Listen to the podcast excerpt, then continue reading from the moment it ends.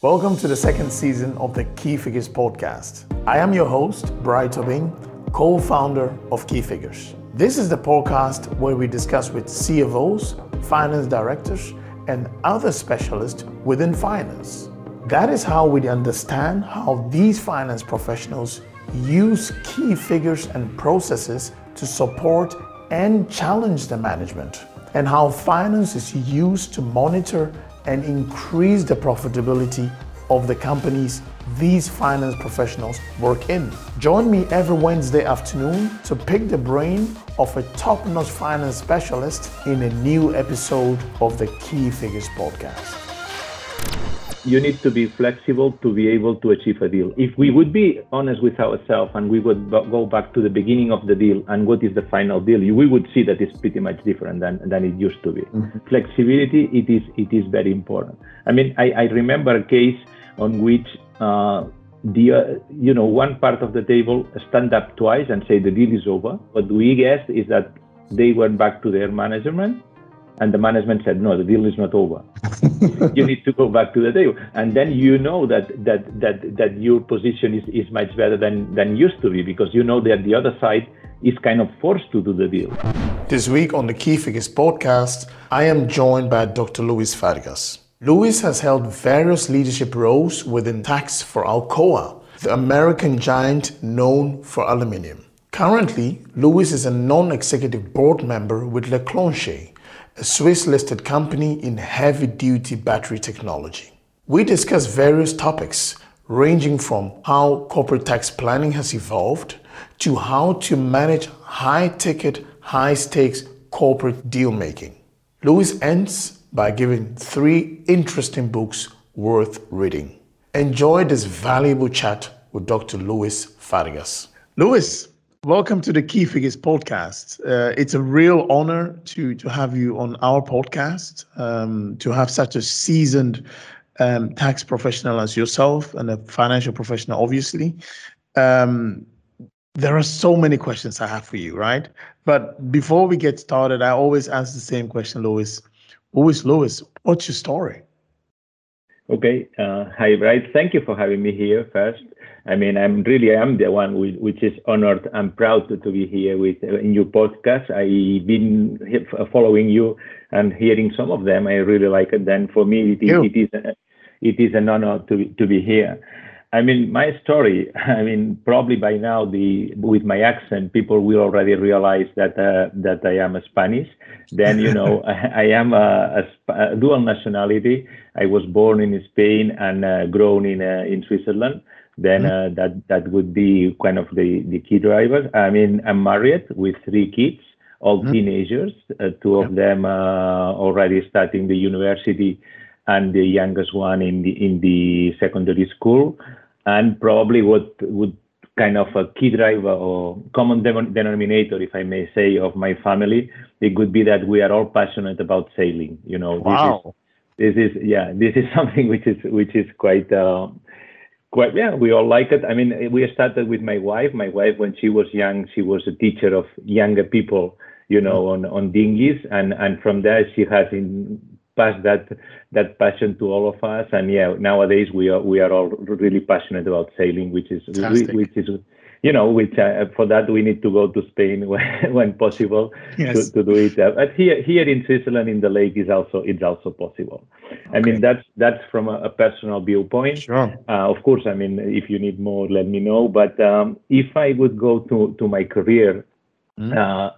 my career, I would say that it's a pretty standard uh, in terms of uh, you know what I have done because you know it's a university degree master's in law, which at that time probably was not as usual as it is today. Then I joined the Big Four, you know, as pretty much everybody at uh, Coopers yes. and Lybrand, at uh, today uh, PricewaterhouseCoopers, and then I got the the the uh, I got into Alcoa, Alcoa, which has been my employer for the last for the last 26 years. Mm-hmm. Then then you know a pretty standard one, if if you if I may say that way. Maybe a, a, bit of difference it could be that I have been living in three countries. I mean, I, I, I was uh, started I started my career in Spain, Then I moved to Italy, and finally in 1999 I came here to in Switzerland. Then then probably that makes a, a bit of difference to the standard profile. Okay. But maybe maybe the biggest difference is the fact that I have always been a professor in the university while working. You know, I think it's a com- it's a combination that I really like it. And it's a combination that that uh, that yeah i mean i would i always say that i would never like to be just a professor in the university but to to teach what i learn working to my students i really i really like. I mean that's okay. that's uh, that's what I, I, I really like the most. And i was a teacher in spain already just i finalized the university and continue working in the university. And i did the same here. I, then when i moved here in switzerland i started working with uh, professor danon in the University of Lausanne as as as a uh, as a, uh, uh, a visiting professor. Okay? okay, and then and then this is uh, teaching is something uh, that I really like. By the way, I'm just thinking now that uh, Alcoa use probably still has what they called the Alcoa University and uh, mm-hmm. you know and i was teaching there uh, a lot i mean i was one of the most active in that in that university uh, we created internally what we call the finance for not finance people course okay. that and i was always teaching there and uh, yeah it was really enjoyable then you know probably what makes a little bit me different my profile than the others is the fact that i've been not only working as a tax professional but also trying to pass that knowledge to to some other people at the same time, maybe another difference is that uh, I am not just a tax professional as a standard as you would be thinking in the in the past, someone who only works in tax. You know, you you've seen my profile by now. I mean, yes. you know, I I also work in corporate development and in the controllership area. Then I am a little bit broader than than uh, than our colleagues that they are only just focusing on on tax issues and and doing just tax. We'll come back you to know. that um, later on a bit more in detail. I'm, I'm sure we will. And then finally, probably the, the, the other difference or the, the big change is that two years ago, I started uh, being a board member of a Swiss listed company. Mm-hmm. Then, then that, that has opened another avenue for me, completely new and completely new, and you know, still of course learning a lot. But it's an experience that I'm enjoying very much then you know in a nutshell that would be my 30 years career. I mean of course compress compress in, in in a few minutes but, yes. but that that would be. Thank you so much uh, lluis for for for this overview. Um, one of the things that I wanted to talk to you about today was um, how corporate tax planning, because I think from your level, it becomes extremely important to have this this this part of corporate tax planning well in place um, how has it changed for you over the years? Uh, not only for me, I, I, mean, I think for everybody, it's it's a huge change. I mean, it is. If I think what we were used to do 20 years ago and what we do today, it is it is a big a big change. I mean, first we need to understand that at that time, you know, a, a, tax planner, it was someone sitting in the corporate headquarters. Maybe in our case, it was Pittsburgh, but it doesn't matter where. You know, you are in a in a corner, usually a tax person, and creating your tax structures. At mm-hmm. that time, you know, the the big four you would go to those meetings that they used to organize with hundreds of people and they would put the slides there and you say you put here a holding one holding two you put here debt you put here the ip and then if you put a hundred this is the savings you will get and yes. the tax person would go and implement and, and implement that kind of in isolation maybe just you know without getting too much involvement of the other areas of the of the company uh, and and you know at that time it was tax was even seen as pretty much as a as a business unit. You know, it, it had to it had to deliver results. I mean, and, and it was the companies were measured because the effective tax rate, the ETR yes. measure. You know, it was just uh, like another another area of the of the P&L. It would be the, the tax person. Then you know that that would be and and, and at that time uh, probably the only limit to the tax planning was that that it was legal. You know, if it if the, the tax uh, structure as it was uh, described was not confronting any legislation, then you would you would apply. That would be probably the the the the, the, the limiting factor of yes. that.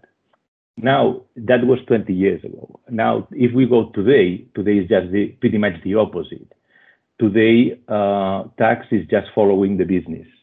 You know, you need to have the business to do to do their own activity, and then tax would be called and say, okay, you know, this business unit is doing this new activity or is going to this new jurisdiction.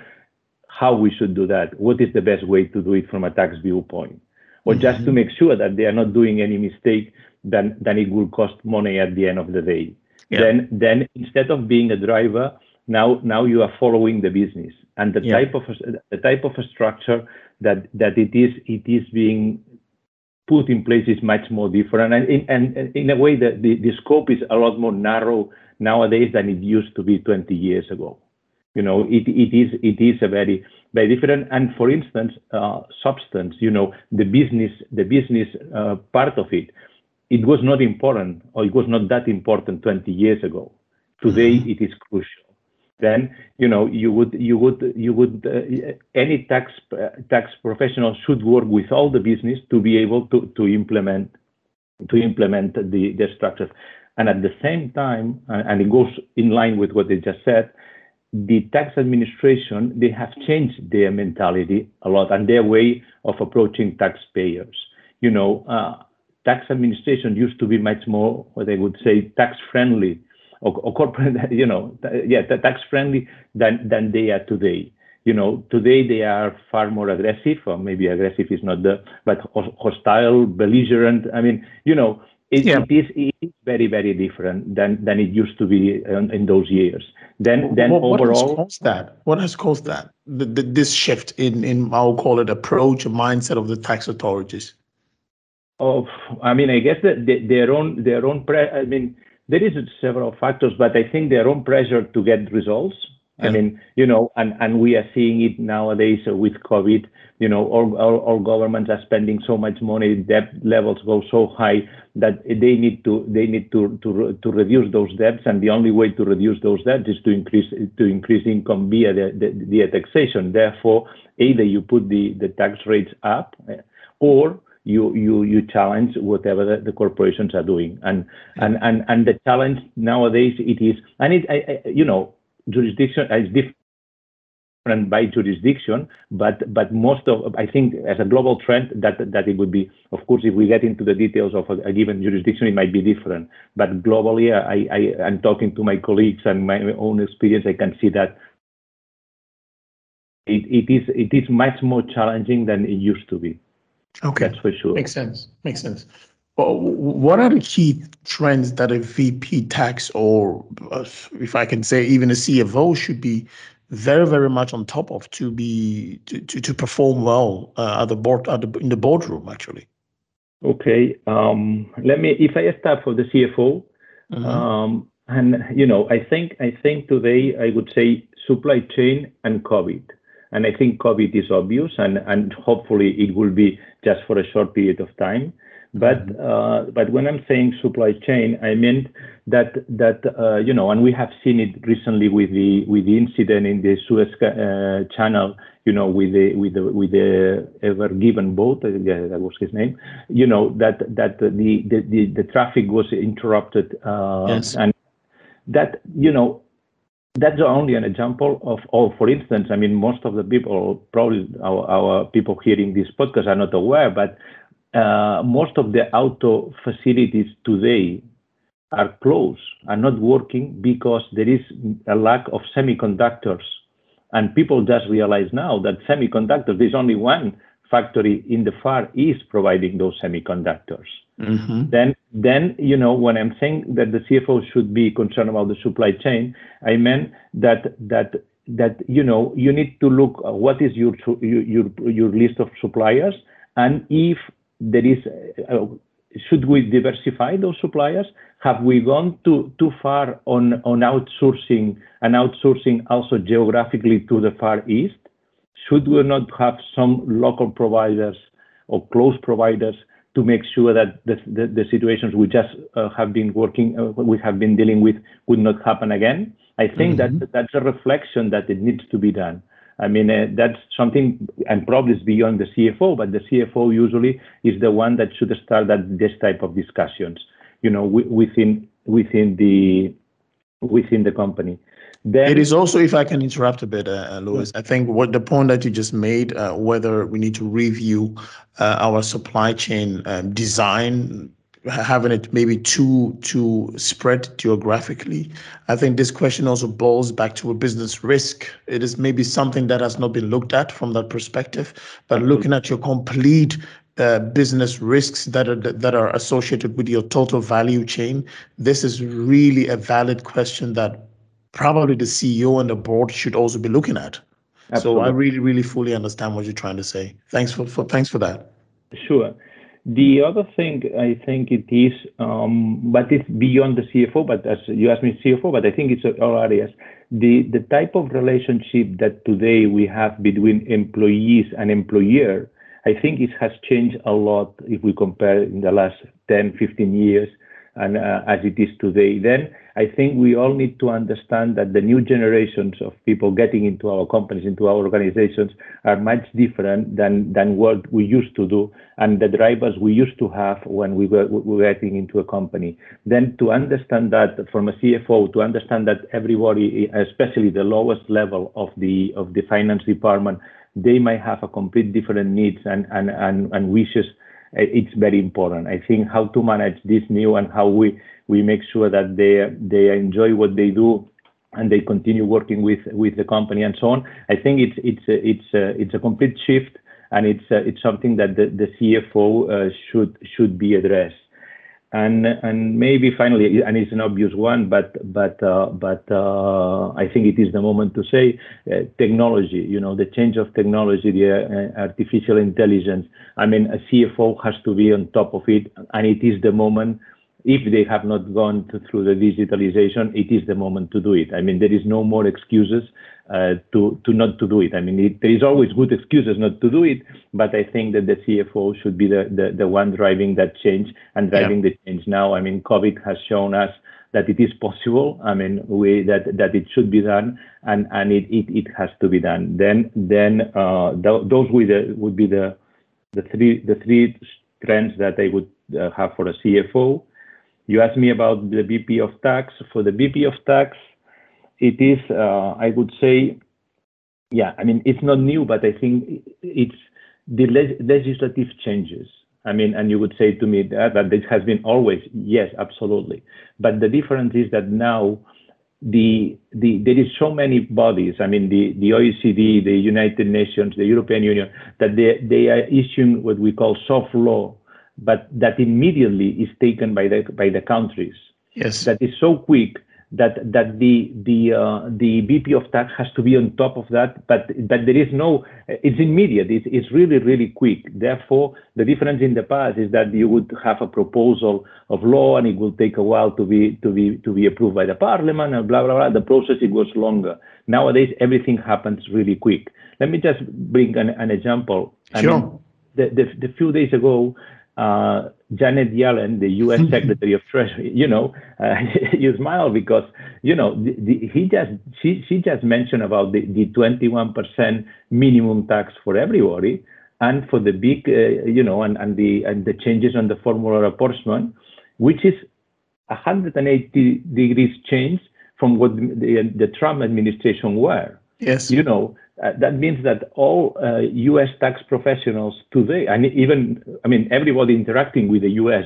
as a matter of fact, should be uh, start thinking what Mr. Uh, Yellen is is planning to do and how it will impact them and how we should we should work to it. I mean, you know, and and and people, yeah, with the new Biden administration, you could think that changes will arrive, but not that quick and, and not that massive changes because this is this is just going the opposite direction as the previous administration was going.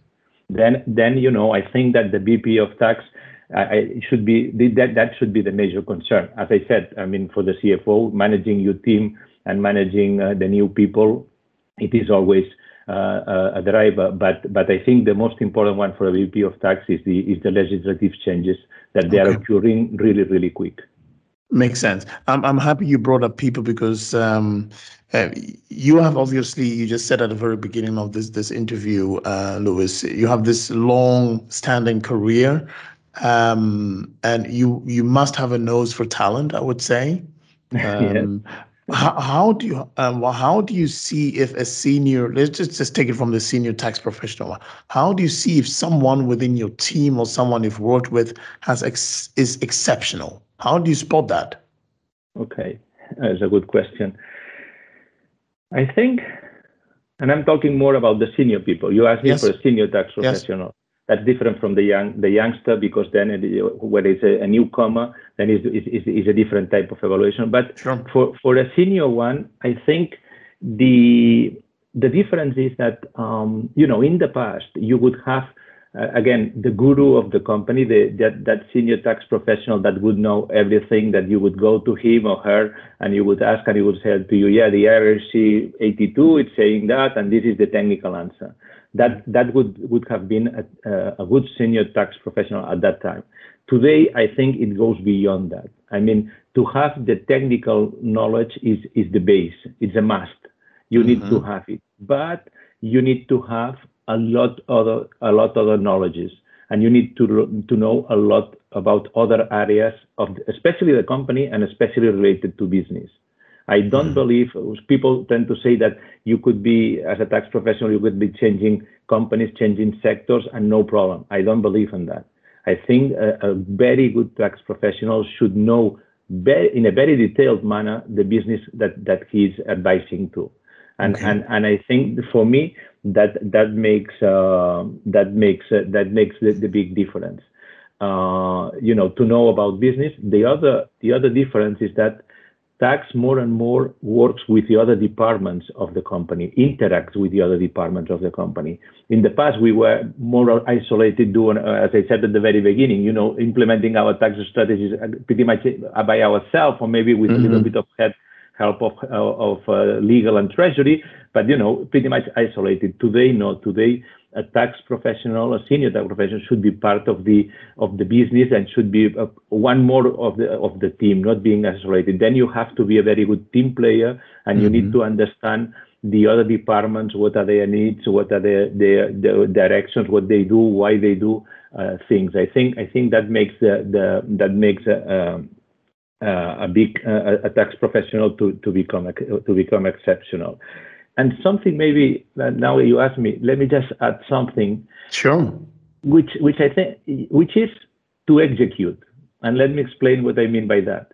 Mm-hmm. Uh, in the past, you, you, could have seen very good technical tax people that they would describe the most, uh, uh, you know, the best uh, tax structure that you can think about it, but then it would be unable to execute that structure, you know, because once you move from the, the, the, PowerPoint type of presentation to the execution, you need to interact with a lot of different uh, areas of the organization, which they have their own needs. They might not be really being cooperative, etc.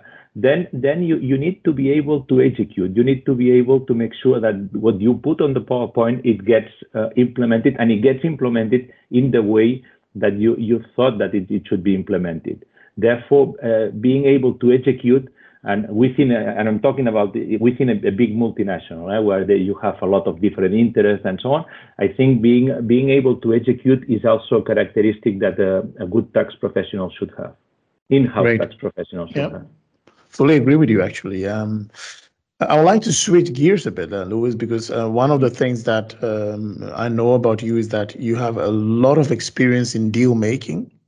Um, what are the key insights, if you look back, right, that you wish you knew, um, let's say 10 years ago? okay, that's, that's, uh, yeah, okay. Maybe the, the biggest lesson is that each deal is different. And let me explain what I mean by that. I mean, when when when you start a deal, uh, you know, when you plan a deal, it, it, looks all the same. You know, you you will start analyzing the company, you will uh, sign a, an LOI, you will do a due diligence, you will discuss an agreement, and uh, hopefully you will close the deal.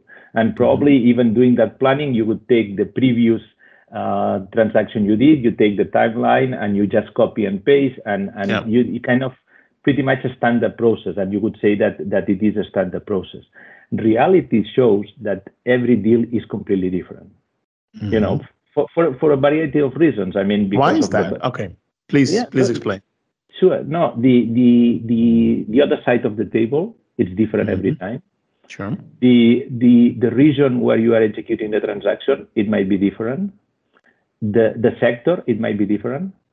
Uh, local re- regulations. I mean, there are so many inputs on, on a deal that that makes every deal different, and you cannot apply whatever you you learn in the previous ones to this one.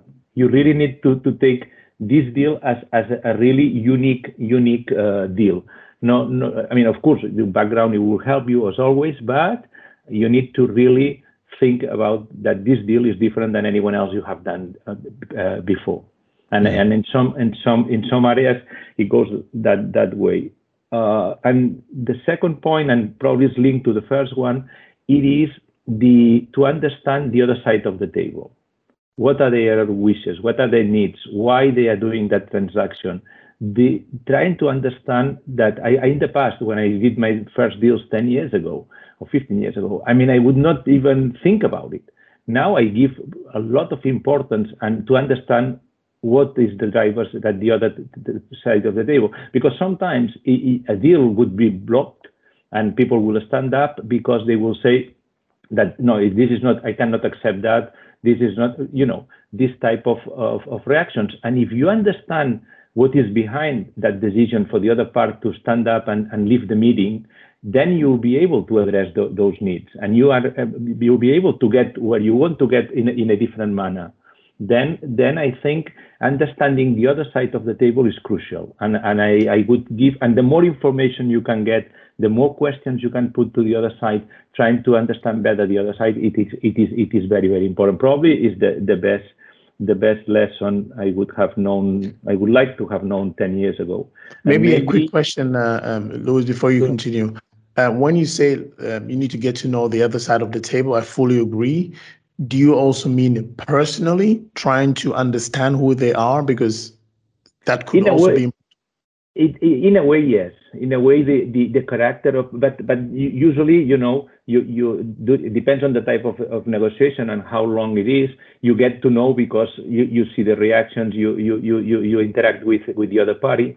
The more to i would say the more the more you know the better because then then allows you to understand why why he's reacting that way or this other yes. way and yes, but absolutely. but yeah i mean uh, you always try to and, and and you understand that also the other party is doing the same with you i mean it's it's part of it's part of it's the, part of the game right part of the game but but uh, but uh, this is something that i did not know when i when i started and the other one the maybe the final one the third one it would be that you know we tend to say that the original the original forecast the original assumptions the original synergies that we we use for to to internally to to move on on that given deal in a way it is it, it becomes the bible you know? And and and then when you start deviating from that kind of the deal is is is is is, is not working anymore.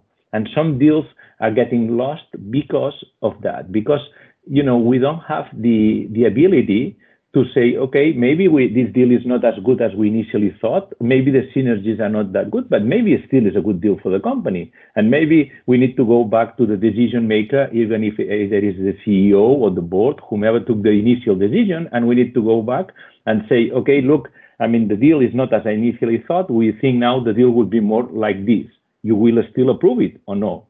That is a step that usually is not done because you know if if the if the synergies are not there okay the deal is over. I think i think that that flexibility and that ability to go back to the to the decision maker with another set of numbers and a set of assumptions i think it is also something that today i would not be afraid to do. And uh, and in the past yes i was I, I was afraid to do that for sure. That would be the the uh, the the third insight yeah. Okay. Makes sense um, w- what are the key ingredients that typically deals get lost on? Okay, I mean, in in a way, is what uh, what I just yeah what I just said. I mean, not to understand the other side of the table. Mm-hmm. That's that's clearly the the the most important one. I mean, if if we don't understand why they are doing the deal and why they are doing the way they are doing it, uh, it will it will it will block the, the, the deal also I, just mentioned, I mean, to be too strict with the assumptions and the initial yes. the initial yes. forecast, that that also that also is, is a key ingredient. Mm-hmm.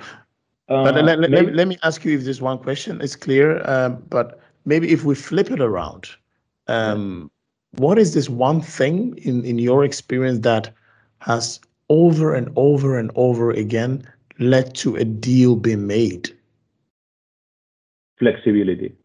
Okay flexibility. You need to you need to be flexible to be able to achieve a deal. Otherwise, you, you know, if if we would be honest with ourselves and we would go back to the beginning of the deal and what is the final deal, we would see that it's pretty much different than than it used to be, mm-hmm. and, and, that it was described or what it was assumption. Then flexibility it is it is very important. I mean, I, I remember a case on which. Uh, the uh, you know one part of the table stand up twice and say the deal is over Mm-hmm. But what we guessed is that they went back to their management and the management said, no, the deal is not over. you need to go back to the table. Then, then you, you know, at that time, you understand what's going on behind, and then you know that that that that your position is, is much better than than used to be because you know that the other side is kind of forced to do the deal. Mm-hmm. Of course. Of and course. and that that gives you a lot a lot of a lot of leverage then you know again we go back to the to understanding the other side needs and and why they are they are there and why they want to do it the way they want to do it yeah. and and and and one of the the reason I, I think one of the the really important because myself you know I, I i've done deals in in countries as remote as iceland uh, let's say russia and saudi arabia just to put this the, the, mm-hmm. the extremes and and you know the to understand the cultural diversity is key. Absolutely. i mean you really you really need to understand uh, their background. You know some things that and, and I've been I'm not dealing too much with Asia, but I have I've been talking to people who has done it, and it's even worse over there in the sense that if you don't understand their reaction, you don't understand that maybe they are selling, but under their cultural to sell, it's kind of a failure and then yes. you need you need to take it from that approach i mean to understand the cultural diversity is crucial and and, yeah. and, and you know sometimes we, we think that because we are uh, us people or europeans and we have the money and we can go at, at to the path and we want to do it immediately the deal has to be done in quick and and sometimes the other party needs their own time and their own processes and under their cultural under their cultural uh, spirit they, they need to do it in a different manner and you need to be conscious uh, about that and you need to adjust yourself to, to that because otherwise it's a recipe for, for, for failure that's for sure I fully agree. Fully agree. Um, just coming back to the cultural difference, I think it's so important, and it does. It's not only in deal making. I think it's almost you know human interactions, right? Um, do you have an example, without giving away the details, obviously, of one or two deals where that cultural difference was so massive um, in making the deal work, or maybe it, it really um, led to the deal not working out? Uh, I, I do. I, I certainly do. And that's why I said that is one of the recipes. The other thing is that probably I would prefer not to not to say it because it would be too evident uh, what's deal and okay uh, okay and, and, fully understand. But but but but I I, I want I, I, mean if I'm saying that is one of the reasons why the the deal you can lose the deal it is clear because I've been there and I, I and I've seen that, that and and I have to admit probably we and myself we were late, uh, too slow in recognizing that. And we should uh, and that's why i'm saying that it's so important because uh, the, the deal was pretty much uh, finally we, we succeed uh, but but but the, the, deal was pretty much being being destroyed just because we were not understanding the, the, the cultural reasons of the other side. That yes. that that it is very very important absolutely. And and i'm just thinking let me just uh, another another which is completely aside of the cultural diversity sure. but but it just came to my mind now. Uh, another is the electronic data rooms and, okay. and, and, and, and, and, let me explain because, you know, everybody or, or people hearing uh, this podcast will say, what, what is, you know, electronic data rooms is the future and so on. And, and, and Mr. Fargas now here is coming and, and suggesting that we need to go back to those days that we had a data room in, in the law firm in London, you know, you would spend two weeks there just with the binders and, you know, uh, Uh, I'm not saying that that that's the, the, the, the model, but but the problem with electronic data rooms is that each company looks the same. Doesn't matter which company it is, how big, how small, in which part of the world is located, they all look the same. Then if you want to do a big mistake, just, and, and I know people that they are buying companies just relying on the information on the electronic data room. I cannot do that. I mean, simply, if I do not visit the assets you're buying, you don't talk to the people that it will be part of the deal. If you don't talk to the people that, that they are on the other side of the table, as, as we, we said several times already, you, you cannot do a good deal. I'm sure about that. You, you know, you're just reading balance sheets and, and information that is placed in the data room. That's, for me, it's a recipe for failure. I would so you need, you need to to physically visit. Absolutely, absolutely. Yeah. Maybe maybe not as we used to that we spend two three weeks or whatever number of days sitting with the with the other party. Maybe it's just a shorter visit, but you really need to understand what they are. You need talk to the people there. You need to, to talk to the assistant of the, the CEO and and chat with her for 10 minutes and you get a good a good idea how the company is, is it well managed, not so well managed, what problems they have. I mean, this type of human intervention I think is, is a must. And uh, and I, I'm saying it because I've seen people that they, they think just the opposite and uh, to me it's not it's not the right way to, to do it. Mm. oh, you know um, Lluis I talk to a lot of people in my in my line of work and and some of the senior people that I talk they say look sometimes um, it's great to be in the boardroom talk to people get this nice presentation but just talking to the first person you meet in the company which who is a receptionist how they interact with you tells you a lot about the culture and and how the company is doing. Do you agree with that Absolutely, a hundred percent, no doubt about it. And I always do it. And okay. even if it, and even when visiting our factories, I would always go with a Swiss chocolate and give it to the to the assistant because I know her for. No, no, honestly, I mean, and but, but just because it's uh, it's uh, it's someone who you you know for years because usually it, it's always you know CEOs may change but the assistant is always there you know yeah. and you know her him or her for for several years and then you go there you give uh, the, the, the small present you know nothing really I mean a, a tablet of chocolate is, yeah. you know that you you bought in the airport but but but that already opens the, the dialogue and, and immediately you get the feeling that uh, that uh, that is you know this is one and the other one is when you get into the the factory and you smell the the the, the, the paint shirt is recent you know when you when you have that feeling you know yeah. that the things are not going well you know yes. that because of your visit you know they they just paint everything and they just put everything tight and so on. That's that's a very bad feeling. I mean here you know for the for the for the for the plant managers uh, one of the lessons is if you want to paint your factory do it two weeks before the visitors don't do it don't do it the, the, day before because because it's it's one of the worst the worst indicators at least for me i mean it's one of, of those course. that when you see the the, the, the factory recent painted you know that that is not going well. Yeah. Great one. Um you you were you you are currently a board member. Um how how i think is a non-executive one if i'm not wrong. How okay. different is this role compared to an executive role for you? Okay Oh, that's a good question. I mean, I think, and and uh, you know, it is it is quite obvious, but you know, the the the board member it it has to look for a, for the medium and long term strategy of the company.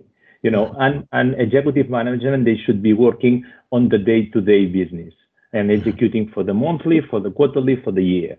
Mm-hmm. That doesn't say that doesn't mean that the board members should not get involved on the day to day, but to a certain extent, and at the same the same time the uh, the executive directors, the executive management, they should also be involved on the strategy, long-term strategy, but to to a lesser extent. I mean, the roles should be separate, and and one should be focusing on the on the long-term uh, and the strategy for the company, while the other one should be on the day-to-day. That's the the typical answer. That uh, I don't think I have said you anything that you didn't know. For me, the second part of the the difference is that the, the board member should be also a mentor of the executive management. And I'm saying that. it, I, I'm, I'm saying it in, in, a, in a way not officially. I mean, you know, you have to be there to help them whenever they need it. You know, for, for a, a, a very different variety of reasons. But you, you, if you are a board member, it's because you have an experience that it can be shared. And usually through the board meetings, you would not be able to, to help the executive manage, in, management in a, in a given problem that they may have. Then you, they have to know that they are, that you are there that you can help there, that you can, if they are worried for anything, you can go to have dinner with him or her and, and you know, and, and, and, and talk and, and help him. I mean, that part, I think it, it for me, it's quite important. And I see, I see a lot the value of it.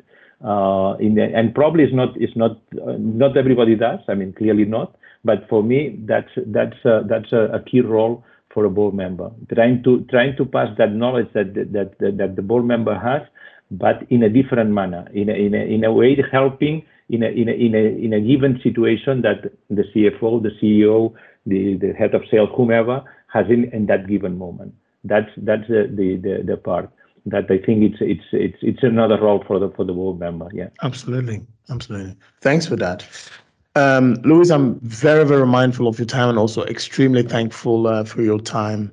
Um, I would like to end with uh, which books have influenced you the, mo- the most actually okay okay there is there is one uh, one book that for sure that for me it's the it's the, the top which is the startup nation okay. and the you know Dan Senor and Saul Singer uh, are the, the, the writers. It's, it's about the, the, the history of uh, the miracle, the economical miracle of Israel.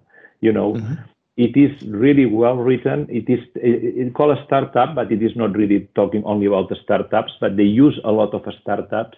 But it is to, to show why a country of seven million people with no natural resources, with you know in war with all the neighbors, can be so successful and that's mm-hmm. that's why. And there is a you know there I, there is chapters that i know pretty much by heart. And the, you know there, there is a, it's it's a really really really good book. I mean it's um yeah extraordinary book. I have recommended several times. I i think i write you know i have recommended several times and i don't recall anyone telling me that he didn't like it he or she didn't like it. I mean, it's everybody really, really likes the the, the book, and it's really, really insightful and yeah you can get a lot of a lot of lessons from it. Did, did you take um, just coming back on on this specific did you take yeah. any lessons out of it that you're maybe um, using within your board um, role at this moment? Uh, let me take one. You know uh, one example. For instance it is mentioned in the book that uh, as you know in israel everybody has to go to the military service for, yes. a, for a long period of time when they are pretty young Mm-hmm. The and they are just fighting real fight. I mean, as you know, we all know, you, you yes. know that they, they, you know. Then the the military in Israel, the commander, the, the, the boss of the group, goes on the front, never on the back. He's the first one that in front of the the enemy, whomever they call the enemy. Yes. And you know, you are talking about someone who is 20, 21, 22 years old that has to take decisions immediately and decisions that they may impact his own life and the life of the, his people. Yes. And and that and that makes and everybody trust the boss because the boss is in the front, is not in the back.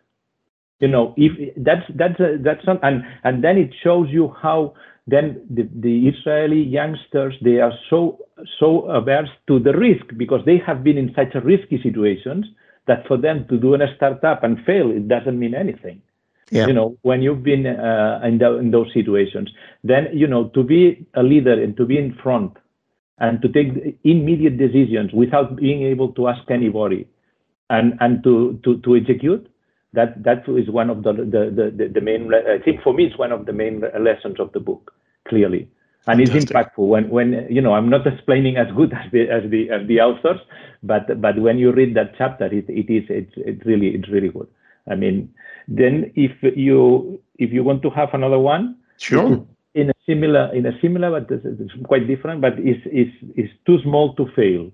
Oh, it okay. Is, it, it is a book which is kind of uh, the opposite to the too big to fail, you know, and it is about why the why the the, the small countries uh, are doing better than the big countries. And you know, it takes again Israel. The the author is an Israeli, uh, but it takes uh, Switzerland, it takes Denmark, it takes uh, Ireland, you know, all the small countries uh, mm-hmm. and why the small countries are doing better, uh, Singapore, you know, and, and why those countries are doing better than the than the others. And it, it's really it's really interesting book. I mean uh, that's really one.